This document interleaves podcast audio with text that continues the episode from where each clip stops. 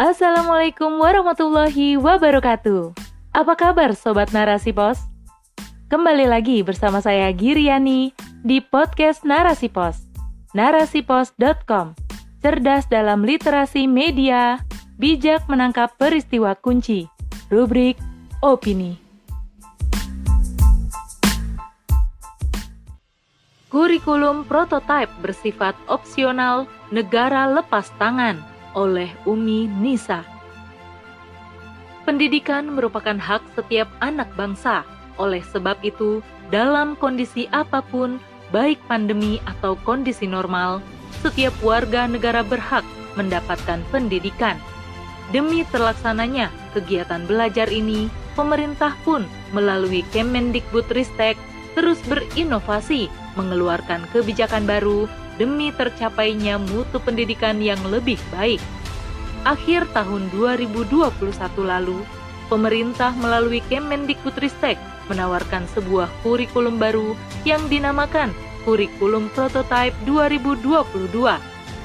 Kurikulum ini ditawarkan sebagai pilihan bagi sekolah dalam mengatasi kehilangan pembelajaran selama pandemi atau learning loss dan mengakselerasi transformasi pendidikan nasional kebijakan ini pun mendapat dukungan dari lembaga tinggi negara. Sebagaimana dilansir oleh Kompas.com, Ketua Komisi 10 DPR RI, Syaiful Huda, menyatakan dukungannya terhadap kurikulum dengan paradigma baru ini. Pendapatnya ini disampaikan pada acara Loka Karya Sosialisasi Buku dan Kurikulum dalam rangka pemulihan pembelajaran di Lembaga Penjaminan Mutu Pendidikan atau LPMP Provinsi Jawa Barat, Kota Bandung, Senin 27 Desember 2021. Setidaknya, ada beberapa pertimbangan yang dikemukakan sebagai alasan dukungannya terhadap kurikulum prototipe ini. Di antaranya, ia menyampaikan bahwa kurikulum ini merupakan adaptasi dan inovasi yang diperlukan agar mampu bertahan di tengah perkembangan zaman di mana salah satunya menyangkut opsi model kurikulum yang berlaku di Indonesia. Selain itu, menurutnya hal ini sebagai langkah pembaharuan dalam dunia pendidikan, sebab paradigma konservatif dalam kurikulum dianggap tidak lagi relevan dengan perkembangan dunia saat ini. Selain itu, kurikulum prototipe ini juga bersifat opsional atau tidak wajib, sehingga sekolah dapat memilih untuk memperlakukannya atau tidak apa pun kebijakan yang dikeluarkan pemerintah sebagai langkah perbaikan tentu perlu diapresiasi. Namun demikian, ada beberapa hal yang perlu untuk dikritisi bersama. Pertama, ketika kurikulum ini bersifat opsional atau pilihan, artinya sekolah yang memilih untuk diberlakukan atau tidak. Hal ini menandakan lepasnya peran negara dalam menjamin kualitas pendidikan. Kedua, seiring dengan sifat kurikulum yang bersifat pilihan, maka akan terjadi perbedaan kualitas pendidikan. Hal ini berpotensi pada terjadinya kesenjangan antar sekolah semakin lebar. Apalagi jika memandang pada sarana dan prasarana yang dimiliki setiap sekolah berbeda-beda antara yang tinggal di perkotaan dan pedesaan. Sekolah favorit yang dilengkapi berbagai fasilitas pendukung pendidikan dengan sekolah umum biasa yang apa adanya dengan demikian, tampak kualitas yang ditentukan oleh kemampuan ekonomi. Ketiga, solusi yang ditawarkan kerap hanya pada tataran teknis, tidak menyasar terhadap akar masalah pendidikan. Berbagai perubahan dalam kebijakan pendidikan sering terjadi.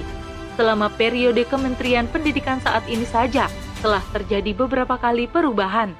Sementara untuk mengimplementasikan sebuah kebijakan baru, tentu harus diimbangi dengan persiapan yang matang dari semua pihak pelaku pendidikan, mulai dari kesiapan tenaga pengajar, siswa, termasuk juga sarana dan prasarana terkait. Permasalahan pendidikan yang mendasar sesungguhnya adalah landasan kurikulum saat ini bersandar pada sebuah ideologi bernama kapitalisme sekuler, di mana sistem ini memisahkan antara nilai-nilai agama dan kehidupan orientasi pendidikan hanya bersifat materi, sehingga wajar jika perubahan demi perubahan kurikulum mengikuti tren perkembangan industri hanya agar bisa bersaing di dunia dari sisi ekonomi, bukan dari sisi pembentukan karakter kepribadian yang tangguh. Dengan sistem pendidikan kapitalisme sekuler, juga kualitas pendidikan dapat diukur dari kelas ekonomi. Bagi masyarakat yang memiliki kehidupan dengan nilai ekonomi menengah ke atas, maka akan mendapatkan pendidikan yang berkualitas baik. Sementara bagi mereka yang ekonominya kelas bawah, hanya dapat menikmati kualitas pendidikan seadanya. Demikian pula korelasinya terhadap output pendidikan akan mengalami kegagalan dalam mencetak generasi yang cerdas, beriman, dan bertakwa. Sebab pendidikan ala kapitalisme sekuler ini landasannya telah menihilkan nilai ruhiyah. Oleh sebab itu, tidak cukup hanya mengubah kurikulum saja untuk mencapai tujuan pendidikan. Akan tetapi, harus ada perubahan mendasar dalam mengarahkan kurikulum pendidikan disertai peran serta negara yang memiliki tanggung jawab dalam terselenggaranya pendidikan. Islam sebagai sebuah ideologi telah memiliki aturan yang komprehensif. Kesempurnaan aturannya mampu memecahkan permasalahan manusia secara menyeluruh termasuk dalam urusan pendidikan. Dalam Islam, negara bertanggung jawab dalam menyelenggarakan pendidikan formal, begitu pula terhadap mutu pendidikan. Tidak boleh ada kesenjangan di antara sekolah yang ada di wilayah perkotaan atau pedesaan, atau kelompok yang kaya dengan yang miskin. Semua rakyat berhak mendapatkan pendidikan dengan kualitas yang sama. Rasulullah Shallallahu Alaihi Wasallam bersabda, pemimpin adalah roin atau pengurus umat. Ia bertanggung jawab terhadap rakyatnya.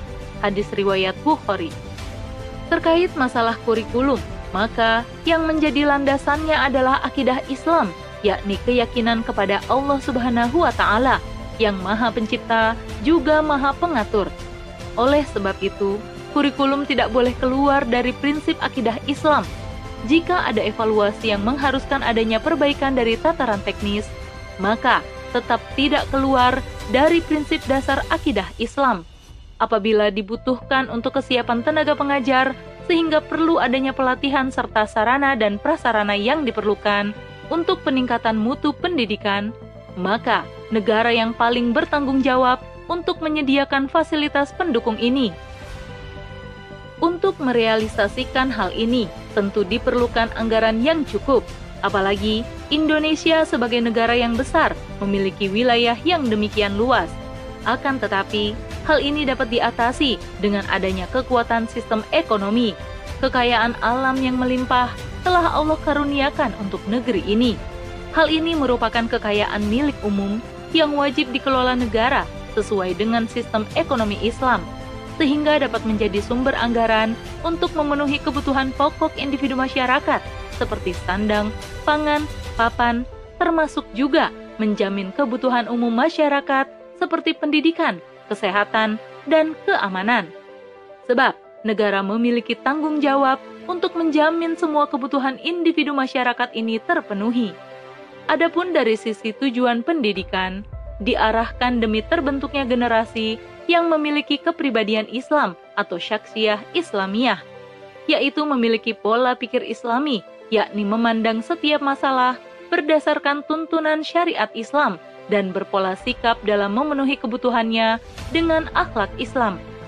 Keberhasilan dalam mencapai tujuan pendidikan juga ditunjang adanya peran serta dari keluarga dan masyarakat. Dengan demikian, visi misi dalam pendidikan juga harus dipahami oleh semua pihak, tidak hanya penyelenggara pendidikan, yakni negara dan staf pendidik saja. Oleh sebab itu, untuk mencapai keberhasilan dalam pendidikan, harus ada perubahan yang mendasar, mulai dari landasan yang menjadi pijakan sebuah kurikulum. Hal ini dapat diwujudkan dengan menerapkan aturan Islam yang sempurna dan menyeluruh dalam semua aspek kehidupan. Wallahu a'lam bishawab.